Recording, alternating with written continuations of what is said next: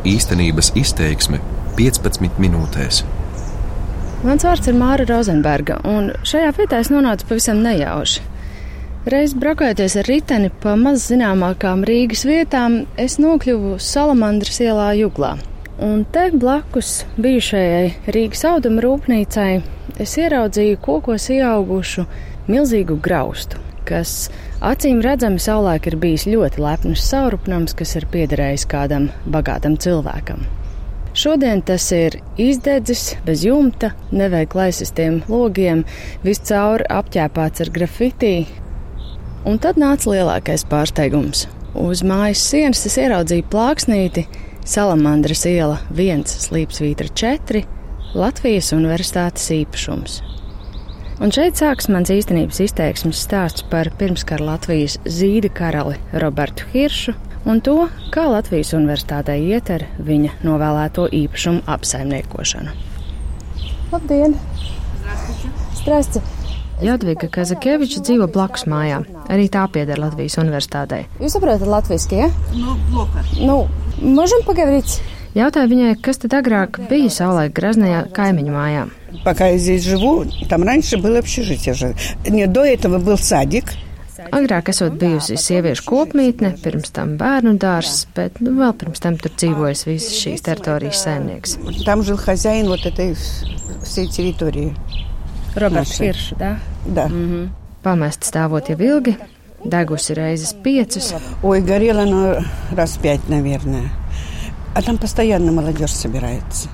Tur regulāri salasoties jaunieši, dzerot, pīpējot, apkārt mētojoties pudeles, šļices.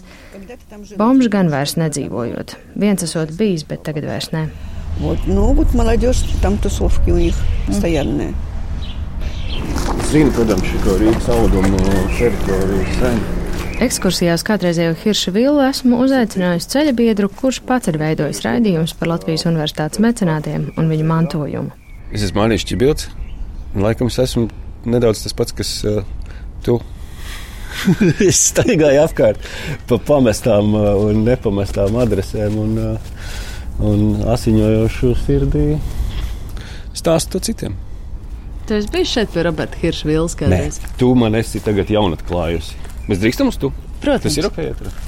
Tu man esi jaunatklājusi šo adresi. Es, protams, zināju par Rīgas audumu. Salamandras ielā es zināju arī par uh, Hirša brīnumaino testamentu 70. gada sākumā. Iedomājieties, cilvēks trimdā, zinādams, ka Latvija ir okupēta un ka Latvijas universitāte, tā kā Latvijas valsts universitāte, nekādu īpašumu nevar pārņemt. Viņš ar apbrīnojamu providenci novēl. Viņš apsēžas ar visu ģimeni un trim dēliem pie galda, un dēli parakstās, ka viņi atsakās no šī īpašuma, lai varētu novēlēt Latvijas universitātē. Vēl labāk. Nu, jā. Neliela atkāpe vēsturē. Roberts Hiršs ir otrs lielākais Latvijas universitātes mecenāts aiz Kristapa Morberga. Starpkara Latvijā lielākais privātais nodokļu maksātājs.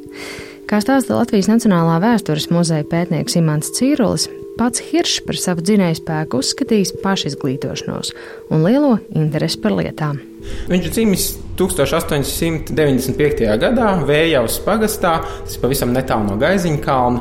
Un bērnība viņam bijusi nu, drīzāk trūcīgos apstākļos pagājusi. Viņš nav lutināts ar labu izglītību, un tieši tas viņa paša, no jaunā Roberta Hirša zinātnākāre vienmēr vēlēšanās aizrakties lietām līdz pat pamatam, saprast, kā darbojās, kad vēlāk viņš sāka Tīrzas dzirnavās darboties, kas ir viņa pirmā tāda lielākā aroda skola, varētu teikt.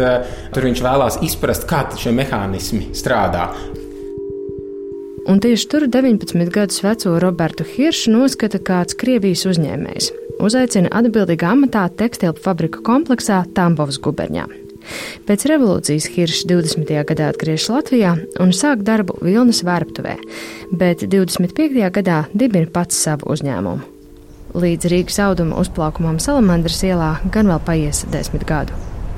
Tevis lietotais vārds māja šeit ir pat pārspīlēts. Nu, tā vairs nav māja. Es tiešām ceru, ka klausītāji spēs iztēloties to, ko šobrīd redzam mēs. Nu, tā vairs nav māja. Nu, tas, pat, nu, tas ir drupas. Nu, jā.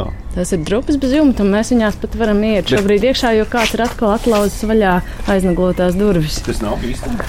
Droši vien, ka tas ir bīstami. Iekšā mēs neejam, jo ir iemesls, kādēļ pašvaldība ir pieprasījusi bīstamās ēkas konstrukcijas demontēt. Un par to es jautāju ēkas saimniekam. Latvijas Universitātes infrastruktūras departamenta vadītāja pienākuma izpildītājs Marģers Počs ar šiem jautājumiem strādā pēdējos piecus gadus. Šobrīd eh, būvvaldē jā, ir iesniegts projekts. eh, Es gan negribētu teikt, viņa kā nojaukšanas, viņš ir eh, bīstamības novēršana, kas var paredzēt daļēji būvkonstrukciju, arī likvidāciju līdz kaut kādai drošai pakāpei. Nu, vienkārši to droši vien to var saukt par daļēji nojaukšanu. Bet nu, tas ir ceļš, lai neatkārtotos vairs šie ugunsgrēki. Un tas neatceļ arī to, ka mēs viņu varētu arī atjaunot nākotnē. Paskatieties, šis lokus. Tas vēl ir vecais, oriģinālais. Rāms, ak, Dievs, cik ne? tiešām. Ir tik skaisti. Varētu universitāti vismaz šo logu izņemt ārā un uh, smuki atjaunot un nolikt, es nezinu, kādā no centrālās universitātes ēkas gaiteņiem par piemiņu trakajam fantastam Hiršam. Kāpēc tad viņš bija trakais fantasts? Stāstu par Hirša galvareibinošo karjeru turpina pētnieks Imants Cīrulis. Nu, tātad no nulles fabrika tiek uzcelta 20. gadu vidū, un 30. gadu beigās tas jau ir tāds flagmanis, lielākais zīda un puszīda eh, ražotājs Latvijā. Dažu gadu laikā tiek kāpināts produkcijas apjoms, eh, darbinieku skaits pieaug no dažiem desmitiem. 20. gadu vidū līdz pat uh, 1600 un vēl vairāk darbiniekiem īsi pirms otrā pasaules kara. Viennozīmīgi veiksmes stāsts, lepnums visai Latvijai un, protams, arī pašam ļoti darbīgajam fabriks izveidotājam Robertam Hiršam. Arī viņa dzīves biedrē Almai, kas ir uh, tajā saimnieciskajā darbībā, tieši finanšu jomā, vienmēr stāvējis klāt savam dzīves biedram. Un uzņēmumos strauji augot, Roberts Hiršs 30. gadu sākumā nopērka cara laika instrumentu tērauda rūpnīcas Salamandra drupas juglā. Tur viņš iekārto savu Rīgas audumu. Tieši tur juglā izaug tā ziedošā fabrika. Šādu epitetu ir eh, veltījis Aleksandrs Čaks. 30. gados, kurš apmeklējis eh, fabriku un ir bijis sajūsmā par to, ka rūpnīcu korpusi, kas ir nu, ļoti tāda utilitāra, tieši uz ražošanu, pragmatiski veidota šis komplekss, ka tur tikpat nozīmīga vieta ir bijusi arī apstādījumiem, ļoti mākslinieciski veidoti dārzi, koki. Arī pēc Hirša iniciatīvas izveidot trīs eh, milzīgas siltumnīcas, kur eh, audzēja grieztos ziedus un citus ziedus apstādījumiem, un eh, arī tad rūpnīcas cehos regulāri esot mainīti griezties ziedi, eh, lai darbinieki justos labi. Veseli 20 dārznieki esat bijuši nodarbināti tikai, lai nu, uzturētu kārtībā un piešķirtu tādu daili arī ar apstādījumiem un ziediem. Bet eh, pats Roberts Hiršs ar ģimeni sāk dzīvot Graznā saurupnamā blakus rūpnīcai. To kādreizējiem salamandras direktoram 19. gadsimta beigās bija projektējis arhitekts Karls Velsko. Es ticu, ka būtu viņa normālā stāvoklī, tas noteikti būtu arhitektūras piemineklis. Tāpēc, ka pat no šīm drupām var redzēt, ka tā māja ir savulaik bijusi izcila. Nu, tā ir nu, tiešām izcila, oh, ekskluzīva villa. Tolaik arī ekskluzīvā vietā. Tagad pat šī vieta vairs nav ne tuvu ekskluzīva. Tolaik te ir apkārt bijis ļoti grezns parks. Un viņš ir no tā uzkalniņa varējis pārredzēt visu savu rūpnīcu. Tagad mums te ir Jā, šis kaut kāds sagas stūros, dīvāni citos stūros un atkal atkāpa vēsturē. Leģendā par Robertu Hiršu svarīga loma ir uzņēmēja rūpēm par saviem darbiniekiem. Stāsta, ka ar to viņš bijis kā dāds sacīt citiem uzņēmējiem. Un tas, laikam, ir, ko daudzi uzsver kā tādu vienu no lielākajiem sasniegumiem, ir rūpes par darbinieku nu, tādu labu darba vidi. 30. gadu avotos tiek uzsvērts, ka Rīgas audumā ir perfekta ventilācija, ir perfekts apgaismojums, nevienam nav jāstrādā pustumsā, viss ir spodrs, vienmēr uzkopts, arī ar puķēm greznots, arī fabrika korpusi. Tiek gādāts par ērtiem apaviem, stāvot pie nu, iekārtām, uh, no pašu ražotā auduma tiek izgatavot arī ķiteļi un, un cits darba apģērbs. Un, nu, tas bija kā paraugs, viņš bija kā savā ziņā pionieris um, tādā privātās uzņēmējdarbības jomā, ka tik ļoti šī gādība par darbiniekiem. 30. gados Roberts Hiršs iegādājas arī lauku saimniecību Ratnieki Līgatnē, lai apgādātu strādniekus ar veselīgu pārtiku un radītu vietu kopīgai atpūtai. 2000. gados Latvijas Universitātē par Eiropas fondu naudu ratniekus izdevās atjaunot, un tagad tas ir viesunāms lieliem korporatīviem pasākumiem, kas pamazām sāk nest peļņu. Taču Hirša saurupmāja juglā ir grausts. Tas man interesētu visvairāk. Kādā stāvoklī šī ēka bija 98. gadā, kad tā nonāca beidzot Latvijas universitātes īpašumā? Un vai tiešām pa šo 21 gadu nu, neko nevarēja darīt? Un man ir pieejami šeit arī mēs redzam, ir akti par ēku pieņemšanu, nodošanu, kur komisija konstatē šo māju stāvokli. Un šeit mēs varam redzēt, ka nu, vienīgais, kas ir labā stāvoklī, ir pamati. Vispārējais tiek konstatēts, ka ir sliktā stāvoklī. Nu, jā, mums fotofiksācijas, diemžēl, arhīvos nekur nebija pieejamas no tā laika, bet lasot šos pieņemšanas nodošanas arhīvu dokumentus, secinām, ka viņa ir bijusi jau pamesta tajā brīdī. Latvijas Industriālā mantojuma fonda vadītāja Andra Biedriņa fotografijās no 2003. gada, kas apskatāmas arī pie šī stāsta portālā LSM, redzams, ka tolaik ēka tomēr bijusi stipri labākā stāvoklī nekā šodien. Tai joprojām ir jumts un atgriežamies sarunā ar Mārtiņu Čibildu Salamandras ielā. Baigi traki. Es arī zinu, laikam pēc dabas esmu tāds uh, ideālists un pietiekami kategorisks. Un man vienkārši es nestādos priekšā, kā tu vari mierīgi gulēt, zinot, ka šo ēku ar visiem šiem entiem hektāriem apkārt kāds no sirds ir dāvājis. Saprotiet? Hirša novēlētais īpašums Salamandras ielā ir viens no vairāk nekā 50 Latvijas universitātes nekustamajiem īpašumiem. Te universitātei pieder 17 hektāri zemes ar 11 ēkām, arī noliktavām, angāriem, garāžām. Hirša novēlētās Rīgas auduma ražotnes universitāte gan neieguva, jo tās jau bija pagūs privatizēt uzņēmums Makulata, kas tur saimnieko aizvien. Pētnieks Imants Cīrulis stāsta, ka hirši nav mīlējuši, tā teikt, zīmēties sabiedrībā, bet bijuši ļoti dāsni mecenāti. Piemēram, ērģeles Latvijas Universitātes aulā ir hiršu dāvinājums. Arī valstiskā mērogā, piemēram, ziedoja brīvības pieminiekļu celtniecībai lielu summu. Laikam tāds ļoti redzams hirša privātā ziedojuma paraugs bija 35. gadā, kad Kārlis Ulmans izsludināja draudzīgo aicinājumu. Tad hiršs Savam dzimtajam Vējavas pagastam pāris mēnešu laikā uzcēla jaunu pamatskolu, pēc tam vēl kā kroni visam uzdāvināja skaistas klavieres. Interesanti, ka Hirša personībā apvienojās gan ļoti dedzīgs Latvijas patriotisms, no otras puses arī dažādas grupas, kuras nu varbūt neatbilda 30. gadu Ulmaņa idealizētajai latviskajai Latvijai. Piemēram, Hiršs bieži ziedoja kādai krievu emigrantu biedrībai vai arī dažādiem vācu baltiešu iniciatīvām. Ļoti daudzām latviešu kultūras biedrībām. Nu, tāda ļoti plaša šī mecenātisma tradīcija, iekšēja vajadzība ziedot, ja tu pats esi spējis pakāpties, Ja universitāte saka, ka viņi to nav pārdevuši, tāpēc, tas būtu neētiski, jo tas ir dāvinājums, tad es teiktu, dubult neētiski ir ar dāvanu apieties šādi kaut vai tiešām aiz cieņas un pateicības pret uh, tādu pozitīvā nozīmē traku fantastu kā Roberts Hiršs, nu, nu kaut vai aiznaglo logus ar cieņu. Nu, neliec tos mēslus, kas ir tie kaut kādi sapūšie dēļu gali un uh, norūsējušie skārdi. Nu, vismaz uztaisi tiešām kultūrāli, nezinu, skaidu plātnes, eh, blokus, kurus pieliec priekšā logiem, tā lai tas vismaz izstītos pēc pieklājīga grausta. Jā, bet kāpēc tad Hirši savu īpašumu atdeva?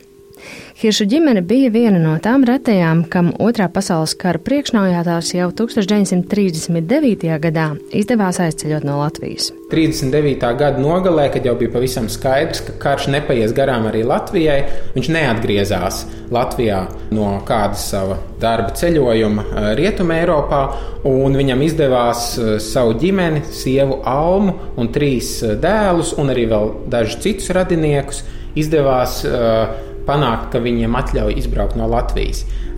Pēc dažādiem avotiem ir ziņas, ka Tas noticis arī ar tādu ievērojumu kukuļu palīdzību, jo nu, tajos mēnešos Latvijas valdība turpināja nu, apgalvot, ka viss būs labi, un arī neizsniedza ārzemju ceļojuma pases Latvijas pilsoņiem. Un Hirša ģimene caur Šveici, tad vēl caur vairākām valstīm, līdz 41. gadā nonāca Amerikas Savienotajās valstīs. Hiršam arī izdevās lielu daļu no saviem iekrājumiem pārvest uz Šveices bankām vai citām rietumu bankām. Un, nu, šajā ziņā ļoti veiksmīgs iznākums atšķirībā no lielākās daļas citu uzņēmēju. Arī ASV Hiršs mēģināja turpināt audumu biznesu, gan vairs ne ar tādiem panākumiem. Turpināja arī ziedot trimdas latviešu organizācijām, un 1971. gadā kopā ar ģimeni parakstīja atteikšanos no saviem Latvijas īpašumiem par labu Latvijas universitātei, ar ko daudz bija sadarbojies iepriekš. Par iemeslu, kādēļ eh, Hirši savus ievērojamos īpašumus novēlēja Latvijas universitātē un nevis kādam no saviem dēliem vai kādam citam ģimenes loceklim, par to ir eh, nu, teikt, dažādas spekulācijas. Laikam ļoti svarīgs iemesls ir jau tā minētā iekšējā apziņa, ka cilvēkam viss ir jārada saviem spēkiem ar uh, savu iniciatīvu, ar savu tiekšanos uz panākumiem. Un Alma Hirša arī kādā nu, privātā vēstulē ir teikusi, ka visi sūrā darbā sakrātie līdzekļi, ka tiem ir jānonāk vispārējiem labumam, vislabākajā gadījumā kādai izglītības iestādē, un dēliem, lai gan viņiem nodrošinātu labi dzīves apstākļi, tomēr uh, mantojuma sadale nedrīkstētu kļūt par nu, cēloni tam, lai, uh, kā Alma Hirša raksta, lai brāļu mīlestības vietā stātos mantojuma sadalīšanas naids un, un tā tālāk. Starp citu, līdzīgi Hiršs rīkojās arī ar otru savu uzņēmumu Kauno Audiņai, Lietuvā. To viņš novēlēja vietējai tehniskajai universitātei. Bet tagad atgriežamies Salamandras ielā Rīgā. Šai mājai nav, nav nākotnes, tas ir skaidrs. Pirmkārt, māja pati par sevi jau ir tādā stāvoklī, ka to atjaunot Tu pazies, nu, tur taču rentiem miljoni jāiegāž iekšā, lai tu varētu viņu atkal pārvērst no drupām par māju. To vēl varbūt būtu jēga darīt, ja šī ēka atrastos kaut kādā citā vietā. Šeit, uh, jūglas nomalē starp uh, rūpnīcām, nezinu, kaut kādām bloku mājām, nu, šajā vietā šādai villai vienkārši nav nākotnes. Nu, ko, tu te, ko tu te darīsi? Nu, Šīs ēkas attīstība būtu jāskatās kontekstā ar visu šo 17 hektāru kaut kādu revitalizāciju vai jau kompleksu attīstību, kuras daļa būtu varētu arī būt šī hirša villa. Bet tas jau nav pat miljoni, tie ir, es teiktu, pat jau tuvu vai pat pāri simts miljoniem. Tātad tas nav pa spēkām universitātei, un tas būtu noteikti jārisina kopā gan ar kaimiņu iespējams gabaliem, gan ar Rīgas pilsētu, gan ar Latvijas dzelzceļu, jo šis īpašums atrodas blakus dzelzceļam un blakus plānotajam ziemeļievadam, jeb brīvības ielas dublierim. Kamēr taps brīvības ielas dublieris, šai mājai vairs nebūs nekā uz pamatiem palicis. Nu, nopietni, nu, nu, viss nu, taču ir nu, cauri. Tā ir arī axioma. Ja jau ēkai nav vairs jumta, tad tie ir vienkārši daži gadi, lai ēka sabruktu. Ja? Tu teici, piecas reizes jau ir degusi māja. Tā saka vietējai. Jā. Jā. Un šobrīd tur ir tikai drupas palikušas vairs. Un virsū ir uzraksts Latvijas universitātes īpašums. Nu, man kā pilsētniekam parastiem šo ieraugot, man palika motivācija. Es saprotu, bet uh, augstāka izglītība Latvijā vispār ir uh, švaki un nepietiekami finansēta. Mums prioritārs tomēr ir nodrošināt algas pētniekiem, pasniedzējiem, nodrošināt studiju procesu. nu, mēs nevaram visu vienlaicīgi izglābt. Protams, man arī personīgi ir žēl, nu, un es neesmu pret eh, šo testamentāro īpašumu attīstību, bet, diemžēl, kā jau teicu, neredzot mums tiešu iespēju izmantot izglītības funkciju, diemžēl viņa nu, nonāk kaut kādā prioritāšu nu, otrā, otrā kārtā. Bet arī sakopt Morberga dzīvokli vai Hirša villu ir izglītība. Tā ir izglītība plašākā nozīmē. Turēt šādu māju šādā stāvoklī ir cūcība izglītības organizācijas misija ir gādāt, lai sabiedrība Latvijā nebūtu cūcīga. Šobrīd universitāte pati nodarbojas ar cūcību. Piedod, Marģeri! Izīrējot citas Hirša kādreizējā īpašuma ēkas un zemi, Latvijas universitāte pašlaik nopelna 70 tūkstošus eiro gadā. Tātad kopumā īpašums ir rentabls. Pārdot to Latvijas universitāte uzskata par galējo un sāpīgāko risinājumu, un vairās to darīt arī iespējamā sabiedrības nosodījuma dēļ, ar ko nesen esot saskāršies pārdodot kādu citu novēlētu īpašumu. Un vēlreiz es saku, es nesteidzos ar pārdošanu, jo summāri jau tomēr mums viņš ienes šādu vai tādu naudiņu, un plus es personīgi ticu šīs, nu, protams, tas laika nogrieznis mums liekas, tur 20 gadu var būt daudz, bet tā kā universitāte ir mūžīga, nu, tad tādās kategorijās skatoties, varbūt viņš nākotnē universitātē ir ienes nevis 70 tūkstoši gadā, bet 7 miljonus gadā pēc 20, kas savukārt, nu, tomēr ir apsvēršanas vērts. Mazliet paciesties, bet tomēr, nu, gūtu kaut kad nākotnē stipri lielāku šo guvumu universitātē. Tā tukšās telpas akustika, ko dzirdat sarunā ar Latvijas Universitātes pārstāvi Marģeru Poču, nāk no vēl viena Latvijas Universitātē novēlēta īpašuma - Kristapa Morberga ekskluzīvā dzīvokļa pie Basteigalna, kurā mēs tiekamies. Tas gan ir daudz labākā stāvoklī par Hirša vilu, bet arī ilgus gadus stāv tukšs un būtu jāatjauno. Bet tas skaistā restaurācija ir nārga, un tāpēc teicu, jābūt eh, skaidrai, nā, tālākai funkcijai, lai, lai, lai nu, pamatotu un nu, būtu jēga to naudu tērēt. Iespējams, Morberga dzīvoklis tālākā nākotnē varētu kļūt par tādu kā kopradas telpu topošajiem arhitektiem. Bet Hirša saurupnams juglā jaunu elpu ļoti iespējams vairs nesagaidīs. Cienījams žests no Latvijas Universitātes ir savam mecenātam Robertam Hiršam veltītā grāmata, ko savulaik sarakstījis Werners Rodrigo Lediņš, Tajā publicētas arī paša Hirša atmiņas par, kā viņš raksta, nezinātājam grūti aptveramo organizatoriskā darba slodzi, kas jānes uzņēmējam, lai nodrošinātu savam uzņēmumam sekmes. Radījuma īstenības izteiksme šodien veidoja Māra Rozenberga. Paldies maniem sarunu biedriem Mārtiņam Čibildam, Imantam Cīrulim un Marģeram Počam. Skaņu ieraksts montēja Krišjāns Stikāns.